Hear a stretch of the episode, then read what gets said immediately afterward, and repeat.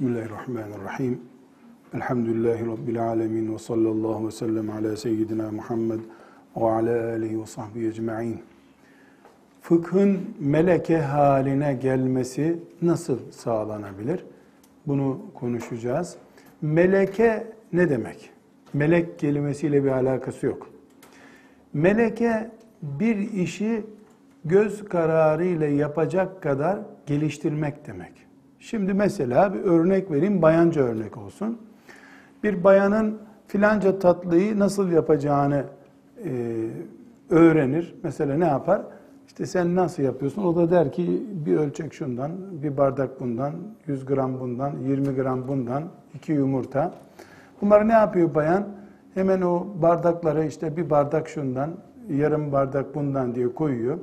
O tatlıyı yapıyor, bakıyor ki ayarı tuttu. Bir daha gene yaptığında gene o bardakla ölçüyor. 3, 4, 5 derken bir zaman sonra o bardakları bir daha kullanmıyor. Avucuyla alıp katıyor. Ölçüyü de bozmuyor. Neden? Yapa yapa mesela tuzu kaşıkla ölçmüyor artık. Olduğu gibi alıp torbasından atıyor. Kadının e, gözünde o katacağı tatlı, tuz, yağ meleke haline geliyor. Onu göz kararıyla kestirecek hale geliyor. İlk yaptığında ise kaşıkla ölçüyordu. Bardak su bardağı mı olacak, çay bardağı mı olacak böyle tereddüt içinde karar veriyordu. Yapa yapa yapa yapa sonunda melekeleşiyor. Bu melekeleşme mesela insanın gece kalktığında o da karanlık bile olsa e, lamba yanmasa bile evinin lavabosunu filan sanki böyle ışık varmış gibi gider. Neden? E, günlerce, senelerce aynı koridordan lavaboya gittiği için gözü görmese de ayaklara bir tür melekeleşmiştir o işte. Meleke insanın bir işte yetenekleşmesi demek. Sözlükten bir tarif okuyayım ben isterseniz. E, Türk Dil Kurumu sözlüğünde diyor ki meleke ne demektir? Tekrarlama sonucu kazanılan yatkınlık, alışkanlık diyor. Bir işi tekrarlama sonucu yani 3, 5, 10, 20 diye diye sonunda bakıyorsun ki o işte yeteneği artıyor. Mesela matematik çalışan bir talebe ilk matematik çalıştığında şu şu ne oluyordu, şu formüllerdeydi, bu formüllerdeydi diyor bir zaman sonra o formülleri ezberden hatırlamaya başlıyor. Buna meleke deniyor. Şimdi bir ilim talebesi sizler, bizler hepimiz talebeyiz. Fıkıhta bir meleke kazanmayı nasıl elde edebiliriz? Yani fıkıh bizim elimiz kolumuz olacak gibi nasıl gelişebilir? Sorumuz bu. Çünkü bir fıkıh imtihanda puan alıp geçecek kadar okumak, anlamak var. Bir de fıkıhta meleke sahibi olmak var. En basit örnek vereyim. Şimdi sizler fıkıh dinliyorsunuz. Dinleyeceksiniz inşallah. Yarın bir konuyu öğrenmeniz gerektiğinde eğer meleke sahibi iseniz elinizle koymuş gibi 15 ciltlik kitabın burasındadır deyip açıp daha önce görmemiş olsanız bile o sayfasını bu konu buradadır diyeceksiniz. Mesela e, kıbleye döndüğünde Müslüman yanlış kıbleye döndüyse namazı olur mu olmaz mı? Bunu namaz ve kıble ile ilgili bağlantı zihninizde çok canlı olduğu için namazın kıbleye dönmek bölümünde olduğunu herkes bilir ilmi halde. Açar buçuk. Bu bir melekedir. Ama daha değişik bir konu. Mesela babasına borcunu ödemiyor bir çocuk. Baba bunu mahkemeye verebilir mi? Bu nerede bulunur şimdi? Annelik babalık ilişkisinde mi? Borç alacak ilişkisinde mi? Mahkeme konusunda mı? Ahiret hakları, kul hakları konusunda mı? Bu nerede bulunur? İşte bunu melekesi gelişmiş biri olur. Alimlikten de öteye bir şey bu. Fıkı melekeleştirmek lazım. Tıpkı bir kadının yemek yaparken sözünü ettiğim şekilde bardakları, tasları ölçü kullanmamaya başlaması ne zamandı? Artık meleke olmuş. Yani revani dediğin zaman hiç böyle tartmadan yapabiliyor ve tatlının ayarı da tutuyor. Çok yapmış çünkü ve dikkat etmiş yaptığında. İlim de böyledir. Ders geçmek için, sınıf geçmek için, filan faaliyete katılmak için öğrenirsin. Defterleri kapatırsın. Bir sene sonra ne okuduğun ne dinlediğinden aklında hiçbir şey kalmaz. Bir de aldığını yazarsın, not tutarsın, tekrar onu okursun, arkadaşınla mütalaa edersin, bir daha okursun, öbür kitaptan bir daha okursun. Bu sende bir melekeye dönüşür. Firis gibi olur senin kafan. Konuların firisti haline gelirsin. Hedef budur. Böyle olmadıkça zaten bol bol öğrenirsin, hiç hiç kullanırsın. Bol bol öğrenirsin, hiç hiç kullanırsın. Bol bol öğrenip bol bol kullanabilmek için öğrendiğini bol bol tekrar edeceksin. Okumayı, yazmayı, dinlemeyi. O sebeple e, iyi alimler bir konuyu üç defa, beş defa dinledik diye kenara çekilmez. Her seferinde yeniden dinliyor gibi dinlerler. Okurlar. Hiçbir sakınca görmezler bunda. Allah onlardan razı olsun. Burada fıkıh melekeleştirmek e, konusunda e, giriş yapmadan önce İmam Malik'ten iki nakil yapmak istiyorum. Malik bin Enes rahmetullahi aleyh'den nakil yapmak istiyorum. E, bu çok önemli. İnşallah e, bir ara getireceğim. İbn Abdülberr'in Cami'u Beyanil İlmi ve Fadlihi ve Adabihi diye bir kitabı var. Yani çok eskilere ait bir kitap. İlim öğrenme, öğretme, terbiyesi diyebileceğimiz bir kitap. E, bu kitabı e, her öğrenci okumasa bile yani ecza dolabında tendür diyet falan böyle bekliyor ya acil vakalar için. Bir öğrencinin kütüphanesinde bulunacak. Türkçesi de zannediyorum olabilir piyasada. Bilmiyorum. Cami'u Beyanil İlm ve Fadlihi ve Adabihi İbn Abdülberr'in çok muhteşem bir kitaptır. İlimle ilgili böyle e, yani bu konuştuğumuz ilmi meselelerde mesela fıkıh nasıl öğrenilir, fıkıhta ön kurallar nelerdir gibi konularda önemli kaynaklardan birkaç tanesini görmeniz için getireceğim inşallah. Burada İmam Malik'ten ki onun mezhebindendir e, bir söz naklediyor. Diyor ki: "Leysel fikhu bi kesretil mesail. Velakinnel fikha nurun yu'tihillahu men yeşâ'u min halkih." Fıkıh çok bilmek değildir. Fıkıh Allah'ın dilediği kulunun kalbine koyduğu bir nurdur diyor. Bu cümle bize ta neyi hatırlatıyor? İmam Şafii'nin el ilmu nurun ve nurullahi la yuhtalil asisini hatırlatıyor. Demek ki çok kitap okuma, çok tutma değil, Allah'tan sana nur gelecek kalitede olmak önemli. İmam Malik'e göre. Yine Cami Beyanillerinde e, İmam Malik'ten bir nakil daha var. E, daha önce zannediyorum temas etmiştim. İmam Şafii Muhammed bin İdris Eşşafii rahmetullahi aleyh e, hafız olduktan sonra hadiste ezberlemeye başlayacak. E, hocaları Mekke'de demişler ki sen git e, Malik bin Enes'ten hadis oku biraz demişler. O da e, Mekke'den Medine'ye geçmiş. Medine'de e, İmam Malik'in de Muvatta'ı okunuyor o zaman. Muvatta işte, e, daha önce sözünü ettik hadis kitabıdır. Muvatta okunacak. E, biraz hor görüyor bunu İmam Malik. Yani bu yaşta tıfıl sen ne öğreneceksin gibi böyle bakıyor.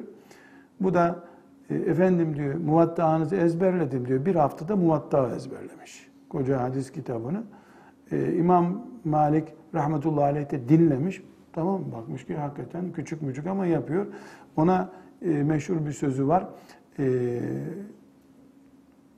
bu sözü burada fıkıh melekesi nasıl elde edeceğimizi iki büyük fakih arasındaki konuşmadan öğreneceğiz. Çünkü Malik de e, Şafii de eh fıkhın babaları bunlar. Allah onlardan razı olsun. Diyor ki yavrum diyor anladığım kadarıyla Allah senin kalbine bir nur indirmiş. Sakın günahlarla o nuru söndürmeyesin diyor. Allah kalbine bir nur indirmiş. Sakın günahlarla o nuru söndürmeyesin diyor. bir hoca olarak e, taptaze talebesine böyle nasihat ediyor. Yani biz bunu neyin mukaddimesi olarak aldık? Bu okumak, yazmak, çizmek işi değil. Allah'ın şeriatı fıkıh dediğin şey. Yani bunu Allah nur olarak senin kalbine indirirse sen e, bütün insanlığın hayal edemeyeceği kadar büyük bir gayeye, hedefe ulaşırsın. Allah bunu kalbine koymadıktan sonra da boşuna çırpınır durursun. Evet öğrenirsin. Ciltler dolusu kitaplar yazarsın ama kitap taşıyan eşek diyor Kur'an-ı Kerim. Öyle olmamak için günahlardan uzak durmak lazım. Fakih olmanın, fıkıh melekeleştirmenin birinci şartı günahtan uzak duracaksın. İnternette bir sayfa rezil sayfa, bir sayfa fıkıh sayfası. Bunu melekler sana bedavaya yedirtmezler böyle. Günahtan uzak duracaksın. Günah neyse artık. Hangi tür günahsa daha önce ne demiştik? Herkesin günahı kendine göre. Burada fıkı melekeleştirmek konusunda iki şeyi tespit edeceğiz. Birincisi dedik ki fıkıh ve şeriat ilimleri nurullah'tır. Allah'ın nurudur. Bu nuru da Allah günahsız kullarına veriyor. İşte İmam Malik de İmam Şafii'ye ne demiş? Yavrum senin kalbine Allah'ın nur indirdiğini görüyorum. Günahlarla bunu söndürme demiş. Çünkü nur söner. Ne kadar inerse insin, e, nur kalbe konmuş ama sonra da zift akmış kalbin üzerine. Nur mur kalmıyor bu sefer. Birincisi bu. İkincisi, fıkıh herhangi bir meslek gibi kazanımla elde ediliyor. Yani çalışan kazanıyor. Nur tarafı var, çalışmak tarafı var. Zaten tembele Allah bunu indirmez bu nurunu. Çalışıp gayret edene indirecek. Biz bu iki noktayı yani Allah'ın nur indireceği bir kalp sahibi olmayı ve ve en leyse lil insani illa ma İnsanın çalıştığından başkası yok insan için. Gerçeğini unutmayacağız. Eğer bir insan bir ustayı iki saat seyretmekle o meslekte usta oluyorsa, iki saatte bir fıkıh hocasını dinleyerek fakih olur herkes. Nasıl börek yapmak için bile 20 defa 30 defa yaktı, ekşi oldu, tuzlu oldu, kuru oldu diye hamur oldu diye yazıp yapıp bozup edip sonunda börek yapmayı öğreniyor insan. Fıkıh da böyle, tefsir de böyle, hafızlık da böyle. Kur'an gibi Allah'ın mübarek bir kitabı üç defa beş defa okuyarak ezberlenmiyor. Bir hafız en az bin defa hatmetmiş oluyor bir Kur'an hafızı oluyor. Bin yani en düşük rakamdır. Daha önce olmuyor. O ayetleri tekrar okumaları okumaları hepsini hatim sayısıyla binden fazla hatim yapmış oluyor bir hafız da yine tam hafız olamıyor. Fıkıh ve en leyse lil insani illa ma. Çalıştığından başkası yok. Meleke olması için de, ders olması için de çalışacaksın. Hocayı iki saat dinleyerek alim olunacak olsa, eh o zaman bütün duvarlar, bu konferansların verildiği, bu derslerin yapıldığı salonların duvarları allame olması lazım. Çalışmakla, yorulmakla, terlemekle ve en leyse insani illa ma sa'a ile olur bu iş. Başka türlü olmaz. Demek ki fıkı elde etme, melekeleştirmede Allah'ın nuruna müstehak olmak bir, alın teri iki. Bu alın teri yazmaksa yazmak, dinlemekse dinlemek, konuşmaksa konuşmak, kitap okumaksa kitap okumak, neyse artık nasıl yapılacaksa mesele vardır ki kitaptan okunarak öğrenilecektir. Mesele vardır ki hocadan öğrenilecektir. Mesele vardır ki sen onu kendin yazıp çizip geliştireceksin, öğreneceksin. Her halükarda ve en leyse lil insani illa ma Çalıştığın, yorulduğundan başka yok sana. Ahirette de, dünyada da. Evet. Burada fıkıh melekesine sahip birisinde dört yetenek muhakkak olması gerekiyor. Yani dört konuda sivrilmiş şahsiyet fıkıhta meleke sahibi olur. Fıkıh dersinden tam puan kim alır bunu konuşmuyorum. Bugün öğrendiği fıkhı 20 sene sonra, 30 sene sonra adı soyadı gibi kim kullanabilir onu konuşuyoruz. Birincisi fıkhı benlik haline getirecek. Sınıf geçmek için, başarılı olmak için değil, tıpkı bir e, domatesi salata yapıp yerken insan ne düşünüyor? Bu bana kan olacak diyor. Gıda olacak. Domates bilmem ne yiyorsam artık bu benim özüm olacak sonunda diyor. Bir çocuk, bir bebek annesinin sütünü içerken bilse de bilmese de annesinin sütü o çocuk aslında. Damarı, onun damarı o. Onun e, yüreğindeki kanı, onun gözü, feri, her şeyi. Bu yüzden iki yaşına gelmeden önce bir kadının sütünü hemen onun çocuğu sayılıyor. Bir kaşık süt bile emse onun çocuğu sayılıyor. O kardeşleriyle bir daha evlenemiyor. Ona anne diyor. O kadının kocasına baba diyor. Neden? Çünkü emdiği süt onun eti, kemiği, gözü, kulağı oldu. Evet, bir yarım litre süt emdi bir kadından bütün gözü, kulağı o yarım litreden olmadı ama bütün benliğine dağıldı o. Kanına karıştı. Kan ete dönüştü, kemiğe dönüştü, tırnağa dönüştü. Bir litre süt içmiş olsa bir çocuk yabancı bir kadından belki de parmaklarındaki tırnağın yarısı o sütten yaratıldı sonra. O yüzden süt emen çocuk, süt annesi sayıyor ondan sonraki yani. Kendi annesi gibi bir annesi de. Beş tane kadından emse bir de kendi annesi, altı tane anası olur bir çocuğun. Onun ahkamı ayrı tabi. Fıkhı da öğrenirken benlik oluşturacak bir ilim olarak öğrenmek lazım. Sınıf geçmek için, bilgili olmak için öğrenenler, yani e, alim olabilirler, çok şey öğrenmiş olabilirler de meleke sahibi olmaları mümkün değil.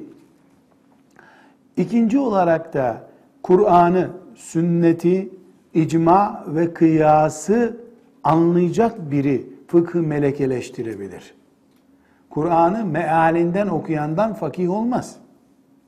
Hadis-i şerifin Bukhari'dekisi ile İbn Mace'dekisi arasında fark göremeyen bir şey anlamaz fıkıhtan. O ne olur? Bir alimin fıkıh kitabını, ilmi halini okur, şu şöyleymiş der. Ama biz melekeden söz ediyoruz. Nedir meleke? İnsanın eti kemiğine karışmış şekildeki bir yetenektir.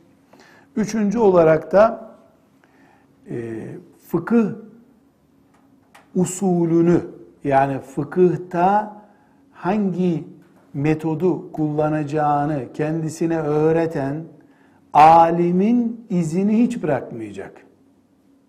Çünkü e, fıkıh alimleri Ebu Hanifeler, Şafiiler, rahmetullahi aleyhim cemiyen, onlar esasen ashab-ı kiramın uzantısı olarak farklı konularda ekoller oluşturdular. Daha sonra fıkha giriş bölümünde göreceğiz inşallah. Fıkhın mesela Ebu Hanife rahmetullahi aleyhin fıkhı Abdullah İbni Mesud ve Ali bin Ebi Talib'e dayanır. Ali bin Ebi Talib'in e, ve Abdullah İbni Mesud radıyallahu anhumanın fıkhı anlama yeteneğine dayanıyor. O ikisi de Resulullah'a dayanıyorlar aleyhissalatü vesselam. Abdullah İbni Mesud Ömer bin Hattab'dan etkilenmiş birisidir. Ömer bin Hattab da Peygamber aleyhisselamın veziridir.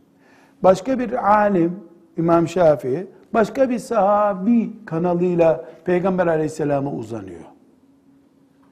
Bu bize gösteriyor ki esasen bu mezhepler, fıkıh anlama metotları vesaire bunlar Resulullah sallallahu aleyhi ve sellemin köklerinin göğe doğru uzanmış dallarıdır. Koca bir ağaç asluha sabitun ve fer'uha fis sema. Aslı cennete kadar uzanıyor Resulullah sallallahu aleyhi ve sellemin kökleri. Ve fer'uha fis sema. Dalları göklere uzanmış. O dallardan bir tanesini Ömer, Abdullah ibn Mes'ud, Ali bin Ebi Talip meyveye durdurmuş, meyve veriyor. Öbürünü başka Ebu Musa el-Eş'ari almış, ekol olarak e, devam ettirmiş. Bu bereket Resulullah sallallahu aleyhi ve sellemin kökündeki, vahiydeki bolluktan kaynaklanıyor. Onun için Ebu Hanife'ye göre fıkıh usulü bilen, fıkıh okuyan birisi, İmam Malik'e göre fıkıh okuyan, usul okuyan birisi biiznillahi teala bu ümmetin özünden devam ediyordur. Çünkü birisi çıkıp da Malik bin Enes'i keyif sürmek için adam doktora tezini te- teslim etmek için böyle şeyler söyledi demedi bugüne kadar. Üzerinden asırlar geçti bu Allah dostlarının.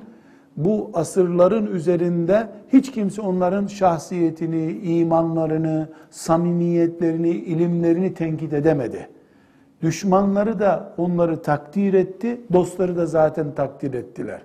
Bu sebeple e, fıkıhta züppe fıkıhçı olmaz. Züppe yani kendi kendine bir ondan alıyor, bu ona eşek arısı denir. Her alimden bir şeyler kapıyor, sıkıştığımı da ben Kur'an'dan alıyorum. Sanki Ebu Hanife Tevrat'tan aldı. Kendi kendini avutmak bu. Dolayısıyla fıkı melekeleştirecek biri eşek arısı gibi o daldan o dala koşmayacak. Kovanı belli olacak. Kaptığı balı kovanına götürecek. Bunun için Ebu Hanife'den aldıysan Ebu Hanife'den devam edeceksin. Eğer e, mütekellimin usulünden aldıysan, İmam Şafii'den aldıysan o taraftan götüreceksin ki bereketli bir iş yapasın. Yoksa eşek arısı gibi senin ömrün dükkan aramakla geçer. Eşek arısı da bal topluyor ama gidip bir ağacın üstüne döküyor onu. Kovanı yok çünkü. Bu sebeple e, bir meşrebe bağlı olan, Ebu Hanife'nin talebesi olan, Ahmet bin Hanbel rahmetullahi aleyhin talebesi olan, 10 sene bir yerde halka kurdu mu, ders yaptı mı, 10 sene sonra oradan onlarca alim çıkar, Allah'ın kitabını anlayan insan çıkar. Ama işte bizim şimdiki modern internet mollalarında olduğu gibi internetten yazıyorum bir şey arama motoruna hop sana bir kitap ismi veriyor. Onunla onu alıyorsun. Üçte açık öğretimden imtihana girdin mi fe subhanallah ilim akıyor mübarekten. Hayır bu eşek arısı gibi balını sadece ağaç üstü inşaat yıkıntılarına falan sokar. Bir oğuk, kovukta onun bal diye bir e, çöpü bulunur. Bu sebeple fıkıh melekesi sahibi olmak isteyenin birisi ekolünde kalacak. Ekolü belli olacak. Zıp zıp öteye biriye giden zübbe alimden herhangi bir şekilde fıkıh melekesi sahibi alim olmaz. Bugüne kadar e, olmadı bile. Dördüncü olarak da fıkıh melekesi sahibi olmak isteyen birisinin e, dördüncü özelliği yaşadığı çağın sorunlarını fıkhın kökleriyle nasıl buluşturacağını da biliyor olması lazım. Bu şu demektir. Yani en basit örneğinden bu asırda sigorta diye bir sorun var. Sigorta bundan 400 sene önce, 500 sene önce Ebu Hanife'nin zamanında bilinen bir şey değildi. Şimdi biz kalkıp da e, yok İslam'da böyle bir şey yok diyemeyiz. Neden? Şeriatımız, fıkhımız kıyamete kadar ki bütün olaylar için verilecek hükmün temellerini oluşturmuştur. Buna fıkha giriş derslerinde göreceğiz, e, temas edeceğiz inşallah. E, ama bunu senin nereye oturtacağını biliyor olman lazım. Yani seferilik şu kadar bir mesafedir diye önceki müştehitler karar etmişler. E, peki bu seferilik mesafesi uçakla gidince ne olacak? Füzeyle gidince ne olacak? Bisikletle gidince ne kadar olacak? Bunlar böyle aman Allah'ım nasıl keşfedilecek gibi zor meseleler değil. Bizim çocukluğumuzda biz e, sağda solda ders okurken işte ders okuduğumuzu anlayan akrabalarımız, arkadaşlarımız bil bakalım kutuplarda nasıl namaz kılınacak? 6 ay kış, 6 ay gece. Aman Allah'ım böyle bilinmez bir bulmaca gibi bunu sorarlardı. Belki 100 kişi bana yani okuyup okumadığımı, işte bir şeyler anlayıp anlamadığımı test etmek için bunu sormuştur. Ya orada 6 ay yaz, 6 ay kış, 6 ay gece, 6 ay gündüz oluyormuş. E, nasıl namaz kılacak insanlar? E, gittin mi hiç oraya sen? Yok. Sana ne nasıl kılarsa kılsınlar. Diyemezsin. Şeriatımız öyle bir şeriat değil. Oraya ait hüküm de var. E peki bu karar nasıl verilecek? E canım bunu da fıkıh meleke edinmişler karar versin. Avam dediğimiz her önüne çıkan her şeyi bilecek diye bir kanun mu var? O da mecburi. Herkes haddini bilecek evvela. Ee, yani herkes e, her ameliyatı yapıyor mu? Yani sen yara bandını parmağına sarabildin diye kalp ameliyatı bypass'ta yapabiliyor musun? Herkes, herkesin bir alanı olan bir iş var. Demek ki fıkı melekeleştirecek bir insanda bu dört kapasite bulunması gerekiyor. Aksi takdirde yani fıkıh melekeleştirmesi olmaz, fıkıhla ilgilenmiş birisi olur. Fıkıhla ilgilenmekte insana çok şey kazandırmıyor. Peki hanımefendiler, şimdi fıkıh melekeleştirmek ne demek dedik? Bir anadan süt emip o sütle yaşayan ve o sütle kemiği, eti, tırnağı oluşmuş bir çocuk gibi fıkı böyle emmektir. Fıkı emiyorsun. Mezhebinin veyahut da hangi ekolden yetiştirdiysen onun ekolünü de emiyorsun, diğerleri de anlıyorsun. Yani senin göz kararı e, kitaplardan, meselelerden yer arıyorsun, karşılaştırmalar yapabiliyorsun.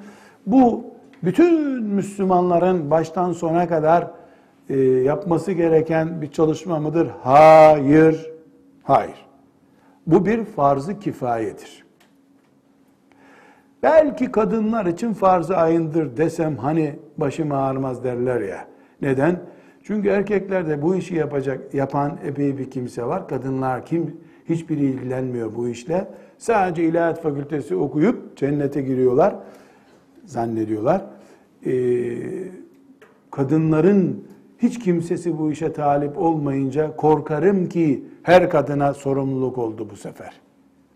O sebeple siz inşallah bu e, açığı kapatıp e, bütün Müslüman kadınların bu yükün altında ezilip vebale girmelerinden kurtaracak bir örnek kadro olacaksınız inşallah diye umut ediyorum. Dedik ki e, fıkıh meleke haline gelmiş yani ekmek su gibi yutmuş bu hale gelmiş birisi bulunması farz-ı kifayedir. Bunu meşhur Kur'an'daki Tevbe suresinin 122. ayetinden bu hükmü çıkarıyoruz. Allah Teala orada ashab-ı kirama hitap ederek dolayısıyla Kur'an'a iman eden kıyamete kadar yaşayacak bütün müminlere hitap ederek ne buyuruyor? Euzu billahi mineşşeytanirracim. Ve ma kana'l mu'minun liyenfiru kaffe. Felevla nefara min kulli firkatin minhum taifeten liyetefekkahu fi'd-din ve liyunziru kavmehum izâ raca'u ileyhim leallehum yahzerun. Sadakallahul azim. Ayet Tevbe suresinde. Tevbe suresi cihat ayetlerinin bulunduğu, ağırlıklı olarak cihat ayetlerinin bulunduğu bir suredir. Bu ayette cihatla ilgili ahkamdan sonra geliyor. Önce ya eyyühen nebiyyü herrizil mu'minine alel kıtal. Ey peygamber müminleri savaşa, cihada teşvik et diyor. Bütün müminler. Katılmayanlar ayıplanıyor. Günahkar kabul ediliyor. Çünkü cihat din demek. Dinin en zirvesi demek. En mühim ibadetlerden birisi. Bu kadar mühim bir ibadet, bu din bu kadar önemsiyor cihadı. Sonra da Tevbe suresinin son sayfalarına geldiğimizde 122. ayetinde وَمَا كَانَ الْمُؤْمِنُونَ لِيَنْفِرُوا كَافَّةً Bütün müminlerin cihada çıkması gerekmez buyuruyor. فَلَوْلَا نَفَرَ مِنْ كُلِّ فِرْقَةٍ مِنْهُمْ طَائِفَةٌ لِيَتَفَقَّهُ فِي الدِّينِ o gruplardan bir kısmı fıkıh öğrenmek için geri kalsınlar. Ve liyunziru kavmehum izâ reca'u ileyhim leallehum yahzurun. geri geldiğinde mücahitler, yani savaş bittiğinde onları ikaz edecek, dinlerini öğretecek, onların hidayetini artıracak bir grup olarak kalsınlar. Evet, cihat, şehadet, gaza, gazilik hesabı bilinmez sevapların kaynağı bunlar.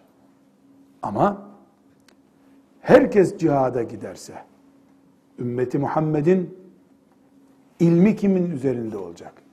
Mücahitler geri geldiklerinde çocuklarını kim öğretecek?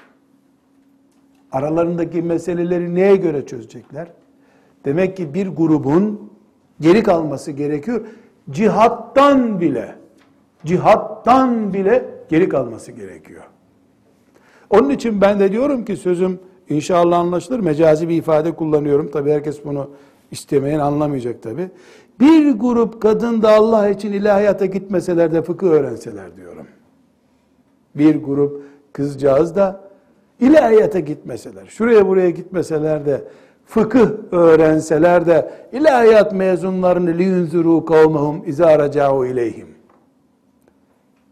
Onlar o forslarıyla, Facebook sayfalarından elde edindikleri arkadaşlarıyla filan mezun olup geri geldiklerinde memurlar, öğretmenler, hoca hanımlar olduklarında onlara Allah'ın kitabını, şeriatını öğretecek bir grup hanım fıkıh bilgini olarak, fakihe olarak melekeleşmiş bir fıkıhla Allah'a davet eden mücahide hanımlar olarak yetişseler diyorum hani. Bu ayetten istinbat ederek. Peki ben böyle istedim, Allah böyle emretti, peygamberi böyle teşvik etti, Ebu Hanifeler Ümmü Hanife olsun dedik, propagandalar yaptık. Olacak mı? Evet, bunun cevabı da Bukhari ve Müslim'den nakledeceğim bir hadis-i şeriftedir. Rakam vereyim. Özellikle bu hadis-i şerifi evinizde Buhari, Müslim hangisi varsa bir tanesinden muhakkak e, not defterinize geçirin. Çünkü nereli olduğunuzu gösterecek. Hani test malzemelerimiz var diye sen hangi cinstensin? Bu hadis-i şerifte kod numaramız var hepimizin. Hepimizin kod numarası var. Bukhari'de 79 hadis-i şerif. Dedim ki Buhari'nin numaralandırmasında sorun yoktur. Müslim'in 2282. hadisidir. Müslim'de farklı farklı numaralar vardı. Bu 2282 ya sayarken ki bir numaradır ya da tırnak içinde başka bir numaranın mesela 6700. numaradır mesela Parantez içinde, tırnak içinde de bu numarayı veriyordur. İki türlü kodlaması var Müslim'in. Sen de hangisi varsa bakabilirsin. Zaten Bukhari'de buldun mu hadis aynı bir sorun yok. Ebu Musa radıyallahu anh, Ebu Musa kime diyoruz? Ebu Musa el-Eş'ari radıyallahu anh'a deniyor. Bazı sahabilerin künyesi kendinden meşhurdur. Daha meşhur olduğu için de sadece künyesiyle anlıyorlar. Resulullah sallallahu aleyhi ve sellem Efendimiz'den nakil yapıyor. Buyuruyor ki, مَثَلُ مَا بَعَثَنِيَ اللّٰهُ بِهِ مِنَ الْهُدَى وَالْعِلْمِ كَمَثَلِ الْغَيْثِ الْكَثِيرِ أَصَابَ أَرْضًا Allah'ın benimle gönderdiği hidayet ve ilmin örneği bir araziye yağan yağmur gibidir. Peygamber aleyhisselam Efendimiz yani bir ilim getirdi, bir hidayet getirdi. Bunu getirdi, insanlığa sundu. Buyurun Allah size ilim gönderdi dedi. Bunu neye benzetiyor? Büyük bir arazi işte Çukurova Vadisi mesela. Gökten oraya yağmur yağıyor. Aynı öyleyiz diyor. Sanki Peygamber aleyhisselam yağmur yağmış gibi birisidir buyuruyor. Sonra benzetme yapıyor. Buyuruyor ki fekane mina nakiyetun kabiletil ma'a feembetetil kele'e vel uşbel kethira. O vadiye yağmur yağdı ya, oranın bir kısmı çok kaliteli topraktır. Hemen yağmuru emdi, kuruyunca da yağmur geçince de ot, bitki, tohum ne varsa hepsini yeşilliğe dönüştürdü. Toprak zaten yağmuru bekliyordu. Kaliteli toprak olduğu için suyu aldı, depoladı, tohumları büyüttü, Koca bir vadi yemyeşil oldu. Ve kânet minhâ ecâdibu. Emseketil mâ'e fenefe'allâhu bihen nâse feşeribû ve sekav ve zera'û. Bir grup yani o büyük vadide de taşlık bir yer var. İşte baraj gibi bir yer. Hiç oradan suyun toprağa, toprağın suyu emmesi filan mümkün değil. Yağdı yağmur, su kaldı orada. Bu sefer insanlar kovalarıyla, hortumlarıyla suyu çektiler. Hayvanlarını suladılar, kendileri su içtiler. Gene burası da iş gördü. Öbürü bitki bitirmişti ama bu bitki bitirmedi. Taşlık, kayalık bir yer, kirli toprak. Su orada havuz oldu. Bu sefer insanlar suyu kullandılar. Yine toprak bir faydasını gösterdi. Ve üçüncüsü de ve sahabet minna taifeten ukra innema hiye qi'anun la tumsiku ma'an ve la tunbitu keleken. Bir de kaya parçası gibi dümdüz bir yer var. Ee, yağmur oraya yağınca su aktı gitti. Ne depoladı suyu ne de bitkileri bitirecek şekilde emdi suyu. Su geldi gitti hiçbir işe yaramadı. Üçüncü çeşit de oymuş. فذلك مثل من فقه في دين الله ونفعه ما بعثني الله به فعلم وعلم. İşte bu birinci örnek hani kaliteli toprağa yağıyor. O toprak onu bitkiye dönüştürüyor. Veya toprak kalitesiz ama havuz gibi bir yer suyu tutuyor. Suyu gelip insanlar kovalarıyla alıp içiyorlar, hayvanlarına içiyorlar. Gene faydalı. Bunu kime benzetti? Bir grup e, talebesi Resulullah'ın İbn Abbas'ı o Allah'ın yağmur gibi indirdiği Kur'an'ı, hadisleri emdiler. Üzerlerinde koca koca çınarlar büyüdü onların. Hem öğrendiler hem öğrettiler. Bir grubu da kimseye bir şey öğretecek kapasitesi yok ama Resulullah böyle yapmıştı dedi. O da su dolduran bir havuz gibi. Ama insanlar gene ondan istifade ettiler. Çünkü suyu tuttu. Hiç olmasın havuz vazifesi yaptı. Bu sonu da men lem yerfa bi zalika ra'sen ve lem yakbel hudallahi allazi ursiltu bihi. O e, düz kayalığa da yağmur yağınca su aktı gitti, güneş gelince de kurudu hiçbir şey yok. Bu da işte benim getirdiğim ilimden istifade etmeyen ne kendisi öğrenen ne de başkasına öğretemeyenin örneğidir. Kayalık herif. Kayalık herif.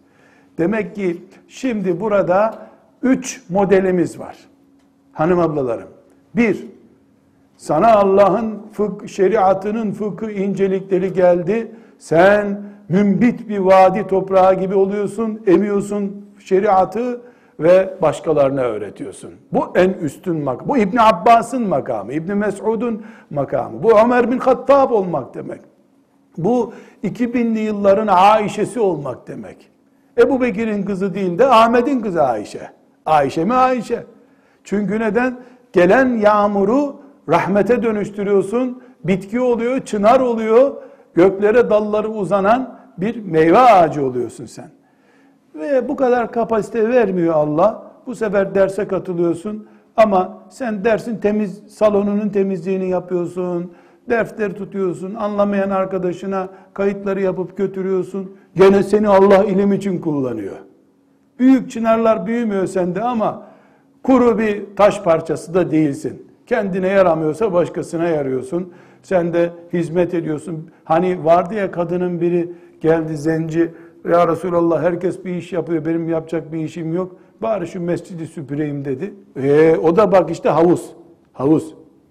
İbn Abbas'ın anladığı, Kur'an'ı tefsir edeceği ilimlerden bir şey anlamamış. Ama İbn Abbas'ın ders öğrendiği yeri temizlemiş.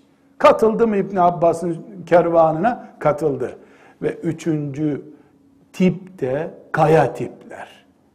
Kaya tipler. Ne alır ne verir ne de yeri boşaltır.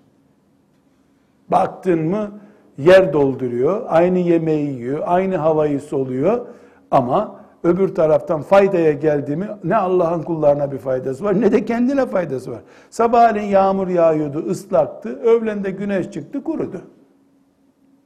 Bu üç kategoriden bir tanesine oturacağız. Ya Allah'ın şeriatını, fıkhını öğrenip öğreteceğiz. Birinci kategori. Ya da ben onu depolayacağım, gelsin birisi benden alsın diyeceğim. Ya da kaya gibi olacağız. Kaya bey talebe. Kaya Hanım talebe. Buradan hangi noktaya çıkmak istiyoruz? Dedik ki fıkıhı melekeleştirmek, kemik, et, tırnak haline getirmek farz-ı kifayedir. Bu Evet, Allah'ın nuru olarak gelecek. وَاَلَّيْسَ لِلْاِنْسَانِ illa مَا سَعَى olarak karşımıza gelecek. El hak doğru. Ama bir de seni hangi tarafa seçmiş Allah? Kaya tarafına mı? Yoksa havuz tarafına mı? Yoksa müthiş bitki bitirecek kabiliyetteki toprak tarafı mısın sen? Ee, Allah verdiyse ne yapayım demeyeceğiz mi? Diyeceğiz ama bizi Allah görecek ki ben bir numaralı olmak istiyorum. Vermez iki numara verirse Rabbim buna da razıyım diyeceğiz. Üç numaradan olmamak için çok dua edeceğiz. En azından bizim terlediğimizi görecek Allah. Bir önceki derslerimizde ne ölçü vermiştik? Yani plan çizmiştik. Zamanımı iyi kullandığımı, arkadaşımı iyi seçtiğimi vesaire himmetimin yüksek olduğunu gösteririm. Vermez vermez Allah. Bu sefer niyetime göre haşr olurum. Evet.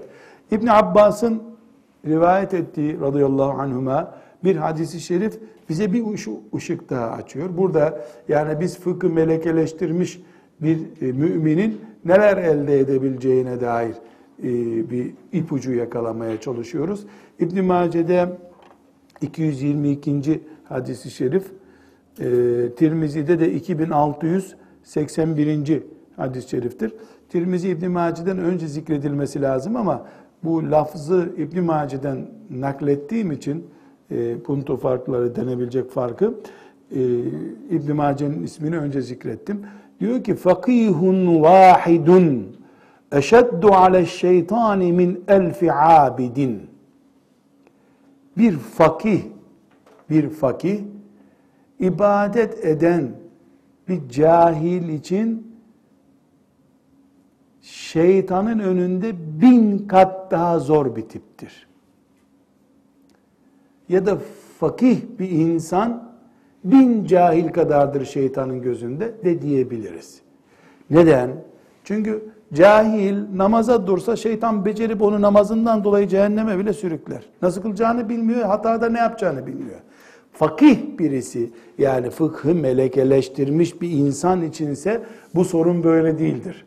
O şeytanın hilelerini de biliyor. İbadetin nasıl yapılacağını da biliyor. Demek ki İbn Abbas radıyallahu anhumanın rivayet ettiği bu hadis-i şeriften biz ne çıkarıyoruz? Resulullah sallallahu aleyhi ve sellemin bizi fıkıh öğrenmeye teşvikini çıkarıyoruz. İnşallah.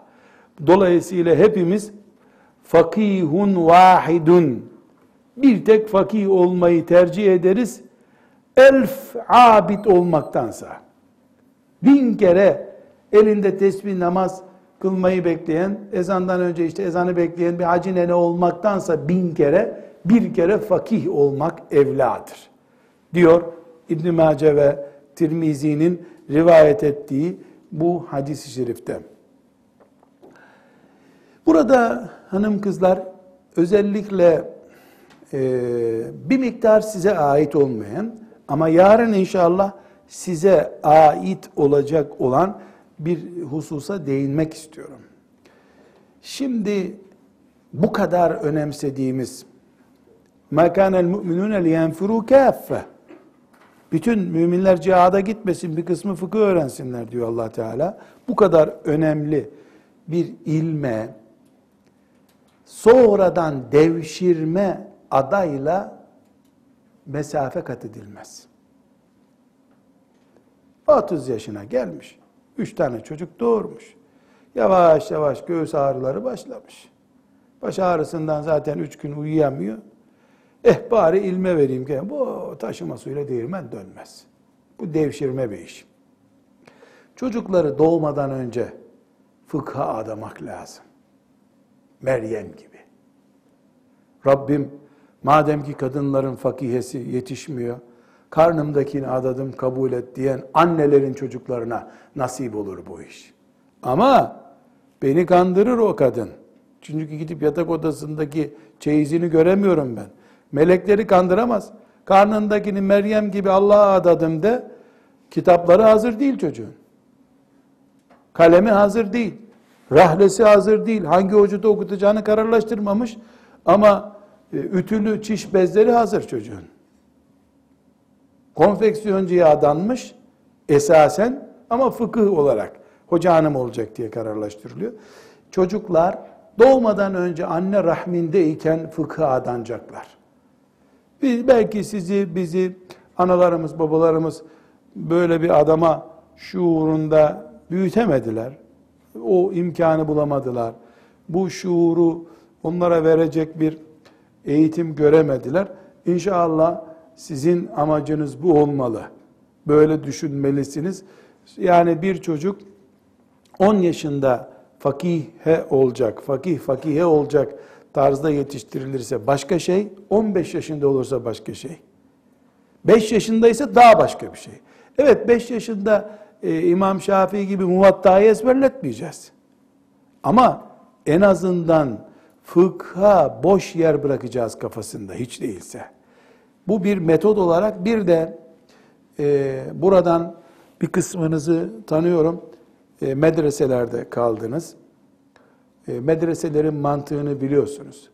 Fakihe yani bayan fıkıhçı Allah'ın şeriatını taşıyan şanlı bayrak demektir. Onun bu şerefli kimliğini takdir edemeyen hocanın fıkıh öğretmemesi lazım. Elif cüzü de öğretmemesi lazım. Ümmetimin şeriatını taşıyacak bir kadına eşeğe söylenir sözleri söylemiş. Ona hayvana yapılacak muameleyi yapmış. Onu paspasçı durumunda tutmuş hoca. Onuru zedelenmiş. Allah o zedelenmiş onura şeriatını yüklemiyor sonra. Mantık olarak da pratik olarak da onurlu bir nesle fıkıh yüklenir. Eğer böyle olmaz, onuru zedelenmiş, üstün tutulmamış birilerine teslim edilirse ondan fıkıh konusunda taviz uzmanı yetişir. Nereden kaçamak nasıl yapılır onu öğrenir o sadece. Onun bunun bursunda, onun bunun sadakasında gözü olan birisi Allah'ın şeriatını ayakta tutamaz. Üst eli alt elden değerli tutan bir şeriattır bu. Böyle bir şeriatta yarı dilenci konumundaki bir hoca hanım çok şey katamaz şeriatımıza. Bu sebeple bu hususta e, hem sizler hem de ümmetimizin fakihe kadın açığını doldurmaya çalışanlar artık Allah'tan haya etmelidirler. İslam gibi şerefli bir dinin hamalı olacak birisine hamal muamelesi yapılmaz. Ona kızım bile dememek lazım. Kızım kelimesi bile yani ders okuturken kızım kelimesi bile düşük seviyedir. Geleceğin kızı, geleceğin fakihesi demek lazım. Ümmetimin umudu demek lazım. Ümmetin Meryem'i demek lazım. Bunu diyemeyen de din öğretmesin. Herkes yapacağı, becerebileceği işi yapsın. Bu kadar basit. İkinci hususumuz hanım kızlar, fıkıh bir ilim dalıdır. Hocaların ağzında da var, kitaplarda da vardır. Şimdi internette de var. Çok net bir ifade kullanalım. Ne sadece hocadan fıkıh öğrenilir, ne de sadece kitaptan öğrenilir. Hoca ile kitabı ortak alabilen fıkıh alır. Öbür türlü bol bol mesele öğrenirsin. Yol yordam öğrenemez. Sadece hocadan okuyan, yüz tane hocadan okuyan, kitabı kullanmadığı sürece fakih olamaz. Çok bilir, fıkıh melekesine kavuşamaz. Kendin de yazıp çizeceksin. Bildiğini bir daha yazacaksın. Fıkıh melekesini ilerletecek bir e, hoca hanım, mesela yemek pişiriyor, e, pişirdiği yemeğe kaynayıp kaynamadığını, süt taşıp taşmadığını görecek. O arada peçetenin üstünde Ebu Hanife dedi ki rahmetullahi aleyh, Ebu Yusuf'unki daha doğrudur diye karalama yapacak. Ha, fıkıh meleke haline geldi. Yazacaksın, çizecek. Senin mutfaktaki peçeten, havlunda fıkıh bilgileri var mı? E caiz mi peçeteye Ebu Hanife dedi mi yazmak? Caiz. Hiçbir zararı yok. Size ne örnek vermiştim? Hani ayakkabıcı kimi çırak almıştı? Rüyasında ayakkabı göreni almıştı. Bu işler böyle. peçeteler, meçeteler hep fıkıh notların olacak senin. Sonra onları toplayıp yakarsın. Veya saklarsın, çeyizin olur. Kim bu çeyize ilgilenecek? Melekler. İlgilenirler merak etme. Nitekim İmam Şafii rahmetullahi aleyhin hatta Ahmet bin Hanbel'den de aynı var. Evinin bodrumu tahta, e, kiremit, tuğla parçası doluymuş. Biliyor musunuz ne demek? Ders notları. Koyacak yer bulamayınca evlilerinin evin ahır gibi olan yerini doldururmuş. Allah onlardan razı olsun. Evet. Şimdi bu ayrıntıya da dikkat ettikten sonra meleke düzeyine gelecek bir fıkıh bilgisi için hanım kızlar. Birincisi Kur'an şuurumuz olacak dedik. Sünnet bilgimiz olacak. İcma ile ilgili bilgimiz olacak. Bunların hepsinin ayrıntılarına gireceğiz inşallah. Fıkha giriş diye bir bölüm başlayacak. O bölümde bunlardan ne kadar nasıl olacak öğreneceğiz.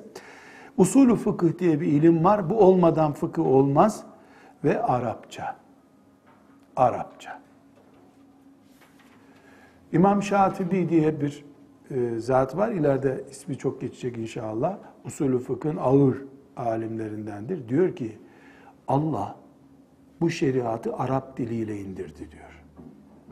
Böyle veya böyle Kur'an Arapça, şeriat Arapça. Arapça bilmeyen dışarıdan seyreder bu işi diyor. Bu kadar basit. Cahil kalır demek değil. Fıkıh melekesi elde edemez. Meleke edinmek başka bir şey, cahil veya alim olmak başka bir şey. Ve şeriat makasıdı dediğimiz, Allah neyi neden istiyor? Neden bunu yasaklıyor? Neden bunu emrediyor? Bu ayrıntıyı bilmesi lazım. Fıkıh kaideleri diye bir ilim dalı var. Bundan söz edeceğiz bilmesi lazım. Ve yaşadığı çağın teknolojisini, fitnelerini vesairesini bilmesi lazım. Aksi takdirde ilerlemesi mümkün değil. Bu çağda bunlar eski ulemanın notları. Bu çağda bizim için özellikle bilhassa bilgisayar çok iyi bilmesi lazım. Kimya ilmine vakıf olması lazım. Kimya bilmeyen fıkı melekeleştiremez. En azından organik ne, inorganik ne, karışım ne, alaşım ne bunları bilecek. Ve şöyle bir örnek vereyim. Lise düzeyinde kimya bilinmesi gerekiyor. Yani e, fizikle kimya arasında ne fark? Maddenin element olması ile bilmem ne olma arasında ne fark var? Bundan az çok anlayacak. Yoksa margarin niye helal oluyor, olmuyor bunu anlayamaz. Dolayısıyla o kitaplardan nakleder, eti kemiği, tırnağı fıkıhlaşmış bir kadın olamaz. Aynı şekilde coğrafyadan bir miktar. Mesela kuzey, güney neresi? Orada niye don oluyor, burada niye sıcak? Ekvator niye hep sıcak oluyor?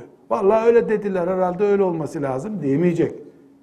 Yani ekvator denen yerin işte güneşte akrabaları var çok sıcak alıyor torpille mi? Neden oluyor? Bunları bilmesi gerekiyor. Bir miktar fizik kurallarını bilmesi gerekiyor. Neden? Mesela e, bıçak yıkanmadan da temizlenebilir diye bir cümle görecek. Mesela diyelim ki kan pistir. Çamaşıra değdiğinde yıkanması lazım. Bıçağı kanlandığında şu şekilde silersin, temizdir. Aa yıkamayacağız mı bunu? Yıkamasan da olur. Neden? E çelikle kumaşın emme yeteneği açısından aynı olmadığını fiziki kuralların bir kısmını bilen anlar. Evet fizikte Nobel ödülü alsın demiyorum. Ama çelik ne, demir ne, pamuk ne bunların arasındaki farkı bir miktar bilmesi gerekiyor. Hanım kızların e, fıkh, fıkhı melekeleştirecek ve şu şu talebesine aman bu nuru kirletme diyen Malik'in fıkhından anlayacak birinde üç hastalık bulunmayacak. Hiç kibre, şey, bu üç hastalık bulundu mu hiçbir şekilde bir daha günah münaha gerek yok ortada kalır. Bunlar kibir, gurur ve hasettir. Kibir ikinci insanı küçük görmektir. Gurur kendini beğenmektir. Haset de öbürünü çekememektir. Bunlar canavar. İlim yiyor bunlar. Yani tıpkı bir kova düşünün. Dolduruyorsun musluğun altında ama o arada da kovanın altı boş Doluyor. Nasıl dolacak bu? Hiç dolmayacak. Neden? Sen doldurdukça alttan çıkıyor çünkü. Kibir, gurur ve haset. Bu üç şeytan hastalığı. Üçü de şeytanda var. Üçünün de uzmanı şeytandır. Kibretti Allah'a karşı. Adem'i beğenmedi.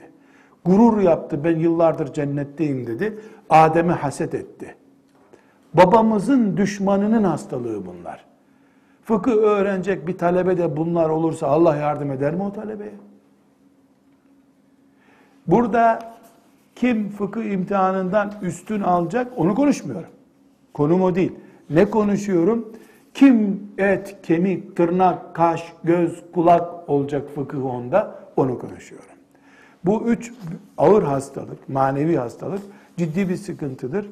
Talebe genelde e, şeytan tarafından dersten soğutulamazsa bu yolla e, fiskos verilir ona.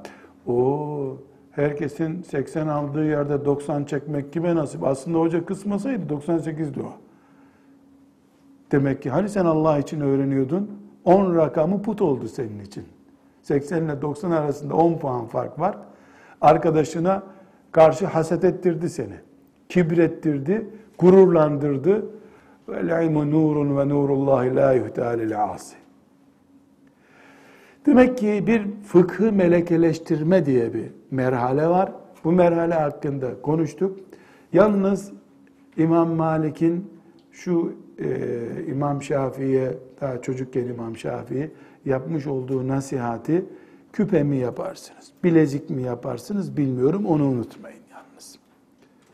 Hafif bir gayret olduğu zaman, hafif bir şeyler anladığında karşınıza çıkacak bu üç hastalıktır. Tembellikten önce. Çünkü şeytan zeki talebeyi rahat bırakar. Çünkü uğraşsa onunla, öğrenme filan dese, zeki insan öğrenmekten zevk aldığı için şeytan onunla fazla uğraşmaz. Öğren, öğren, öğren. İyi olur der. Üstelik ona promosyon bazı hediyeler de verir. Ama sonra kibir, gurur ve hasetten biriyle bitirir onu.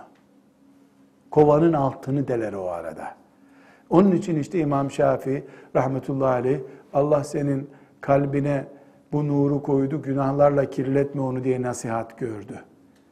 Evet, İmam Şafii'ye zina etme demedi herhalde. Zina nerede edeceksin Medine'de zaten? Kim ettirecek? Herhalde bankada hesap açtırma yavrum demek için söylemedi bunu değil mi? Faiz diye bir sorun Mekke'de, Medine'de yoktu. Uzun asırlar olmadı da zaten. Ama İmam Şafii'nin de kovasını delecek bir şey vardı. Neydi o? İşte bu sözünü ettiğimiz kibir, gurur, haset. Bunlara çok dikkat edeceğiz. Ee, lütfen sözümü üzerinize almayın ama size ait olsun. Bu üç hastalıkta kadınlarda daha yaygındır. Kozunu önce arkadaşına gösterme hastalığı çok yaygındır. Nadiren Allah kimi koruyorsa o korunuyor zaten. Elbette erkekler bu işin evliyası değiller. Ama erkekler tutturdu mu bir sevda onun peşinde gidiyorlar. Yanında gelen gidenden de haberi olmayabiliyor. Kadınlarda daha fazla şeytan nüfuz etme yolu olarak kibri, hasedi ve gururu kullanıyor. Halbuki Gazalimiz rahmetullahi aleyh ne demişti? Meyve ağacı gibi ol demişti. Meyven arttıkça, olgunluğun arttıkça aşağı doğru in. Meyvesi çoğaldıkça göklere doğru büyümüyor ağaç, toprağa doğru iniyor. Peki ve sallallahu aleyhi ve sellem ala seyyidina Muhammed ve ala alihi ve sahbihi ecma'in velhamdülillahi rabbil alemin.